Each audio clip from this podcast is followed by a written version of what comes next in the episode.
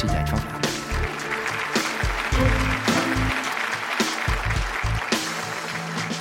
Een fascinerende vraag.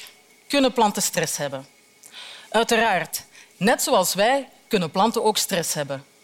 En bovendien hebben ze nog een bijkomend nadeel. Want als we onze kamerplanten ergens neerzetten of als planten buiten ergens beginnen te groeien, dan kunnen ze niet gaan lopen. Ze moeten dus vindingrijk zijn en hebben dan ook unieke strategieën ontwikkeld om met stress om te gaan. Maar hoe kunnen planten nu eigenlijk stress krijgen? Uiteraard moeten ze niet gaan werken zoals wij. Maar ze moeten er wel voor zorgen dat ze voldoende licht, water en voedingsstoffen zoals mineralen hebben om goed te kunnen groeien en ontwikkelen. Wie herinnert zich de zomer van 2018 nog? Een hete, droge zomer. Met bruine gazonnetjes tot gevolg. Onze grassen gingen niet meer groeien, want ze hadden te weinig water. Maar te veel is ook niet goed. En daarom heb ik een vraag voor jullie. Wie van jullie is er al eens in geslaagd om zijn kamerplanten een beetje te veel water te geven, zodat ze het hebben begeven? Toch enkele. Allee, redelijk wat. Dus een evenwicht in die waterbehoefte is essentieel voor de planten om goed te kunnen groeien. En dat geldt ook voor licht en voor voedingsstoffen. Want bij te veel of te weinig krijgen planten stress. Maar ook van ongewenste componenten in onze omgeving kan dit stress geven bij planten, net zoals bij ons. En hierbij denk ik dan bijvoorbeeld aan ziekteverwekkende bacteriën en virussen, maar ook aan vervuiling. Zo zijn er sommige bodems in België vervuild met metalen zoals cadmium. En in mijn onderzoek ga ik dan kijken hoe dat planten omgaan met die stress, dus wanneer ze blootgesteld worden aan cadmium. Nu, ik heb er straks al gezegd dat evenwichten enorm belangrijk zijn voor de plant om goed te kunnen ontwikkelen. En bij stress treden er onevenwichten op. Maar vooraleer ik daar verder op in ga wil ik samen met jullie eens kijken hoe een gezonde plant functioneert. Om goed te kunnen functioneren, moet een plant aan fotosynthese kunnen doen. In dit proces gaat ze vertrekken vanuit koolstofdioxide of CO2 en water. En dan gaat ze met behulp van de energie van de zon in staat zijn om dit om te zetten naar suikers en zuurstof. Die suikers kan de plant dan terug gaan gebruiken als bouwsteen, maar ze kan er ook energie van maken. En hoe doet ze dat dan? Ze gaat eigenlijk met behulp van zuurstof die suikers verbranden terug tot CO2 en water. En tijdens het proces dat we de celademhaling noemen, wordt er energie geproduceerd. Een plant kan dus zichzelf voorzien van energie, vertrekkende eigenlijk van zonlicht. Wij kunnen dat niet. Wij moeten dus eigenlijk bijvoorbeeld suikers via onze voeding binnenkrijgen. Nu, ik heb ook gezegd, voor een gezonde plant moet die evenwicht kunnen behouden. En vandaag wil ik dan ook heel graag een nieuw evenwicht introduceren, namelijk de oxidatieve balans. En hierin hoor je het woord oxidatie, wat u misschien aan zuurstof doet denken. En dat klopt inderdaad. Zuurstof speelt een heel belangrijke rol in die oxidatieve balans. Maar daar ga ik straks nog wat meer over vertellen. Nu, die oxidatieve balans is eigenlijk zoals een weegschaal. Met twee kanten. En aan de ene kant van die weegschaal daar liggen de pro-oxidanten. Pro-oxidanten die oxidaties kunnen gaan veroorzaken. En door die oxidaties kunnen zij bijvoorbeeld schade berokkenen aan moleculen, zoals DNA. Maar anderzijds kunnen ze ook op die manier signalen geven, zodanig dat er reacties geactiveerd worden in die plantencel en dat de plant weet hoe ze moet ontwikkelen en omgaan met stress. Aan de andere kant van die weegschaal liggen dan de antioxidanten. Daar heb je misschien al wel eens van gehoord. Die zitten in onze voeding en zijn heel belangrijk voor onze gezondheid. En het is die oxidatieve balans waarbij de antioxidanten de pro-oxidanten gaan controleren, dus het evenwicht tussen die pro-oxidanten en die antioxidanten die mee gaan bepalen hoe planten gaan ontwikkelen en reageren op veranderingen in de omgeving. Nu, daar straks heb ik al gezegd dat zuurstof een rol heeft in die oxidatieve balans. Maar hoe is het hier nu bij betrokken? En om daar een beter zicht op te krijgen, moeten we eens gaan kijken hoe zuurstof er eigenlijk uitziet. Als we naar een molecule zuurstof kijken zoals wij dit inademen, dan is het een heel bijzonder molecule. Het heeft namelijk twee vrije elektronen aan de buitenkant die omwille van chemische redenen niet met elkaar kunnen gedeeld worden in een binding tussen die twee zuurstofatomen. Het is dus een heel fascinerend molecule, want het is uniek. Het is eigenlijk de uitzondering op de regel. Want geen enkel ander molecule in zijn stabiele vorm heeft twee vrije elektronen. Het is dan ook niet verwonderlijk dat zuurstof niet direct een partner gaat vinden waar hij die elektronen mee kan gaan delen. En bijgevolg is het in deze vorm ook weinig reactief. Uiteraard komt zuurstof ook in andere vormen voor. En dat noemen we dan afgeleide varianten. En wat gebeurt er eigenlijk? Het zuurstofmolecuul wordt als het ware een klein beetje aangepast, waardoor het vooral veel reactiever wordt. En we noemen dat dan ook de reactieve zuurstofvormen. En die kunnen nu ontstaan wanneer zuurstof bijvoorbeeld extra elektronen krijgt. Die elektronen kunnen afkomstig zijn van tal van biologische processen waarbij elektronenoverdracht een rol speelt, zoals de fotosynthese. Hierbij worden eigenlijk elektronen van één component doorgegeven aan de volgende component en tijdens het transport kunnen dus elektronen gaan lekken naar zuurstof, iets wat onder normale omstandigheden ook gebeurt. En zo ontstaan die reactieve zuurstofvormen. En die maken een groot deel uit van onze pro-oxidanten. Maar voor de eenhoud van het verhaal ga ik ze nu pro-oxidanten noemen. Ik heb er straks gezegd dat ze zowel schade kunnen berokkenen als een signaal kunnen geven. Het is dan ook van essentieel belang dat we de hoeveelheid van die pro-oxidanten onder controle kunnen houden. En dat gebeurt dan in de plant door middel van die antioxidanten. Antioxidanten zitten in onze voeding. Ze zitten in alle groenten en fruit. Zo kennen we bijvoorbeeld caroteen vanuit wortelen of vitamine C uit citrusvruchten.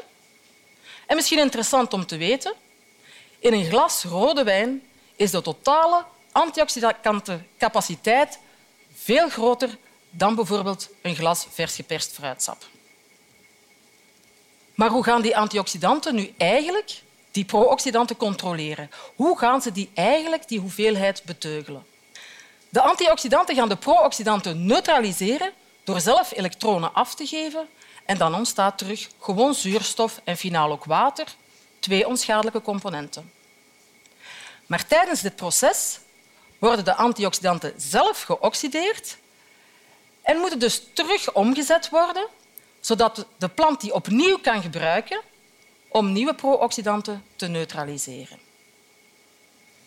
Dat proces kost uiteraard energie, maar een plant kan zich daar makkelijk in voorzien onder normale omstandigheden.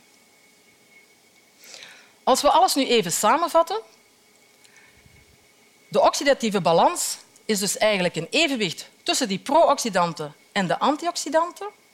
En onder normale omstandigheden, als we dan naar die weegschaal kijken, zoals ze nu bezig is, kan ze dus eigenlijk gaan bewegen binnen bepaalde grenzen en op die manier een signaal geven aan de plant, zodat die goed kan ontwikkelen en kan omgaan met stress. Maar wat gaat er dan precies gebeuren als planten stress hebben? En nu gaan we eens een keer naar de plant in zijn geheel kijken. Helemaal in het begin heb ik gezegd dat planten niet kunnen gaan lopen, maar ze kunnen wel bewegen.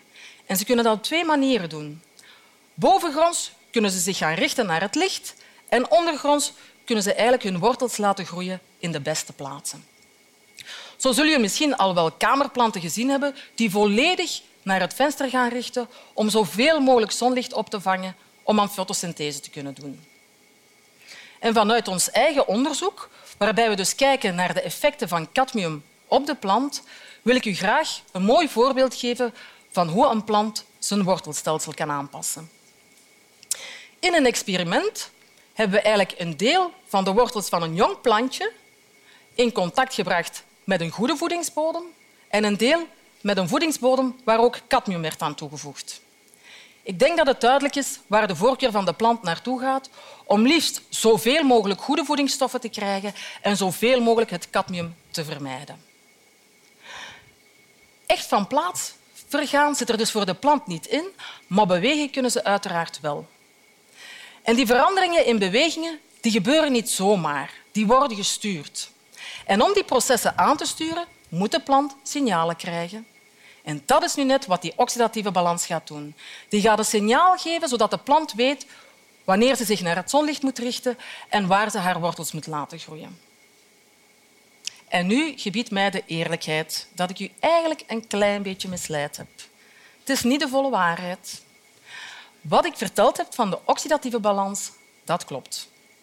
Maar het is uiteraard niet het enige systeem dat signalen kan geven. Er zijn nog andere systemen. En net zoals bij ons zijn bij planten hormonen ook heel belangrijk.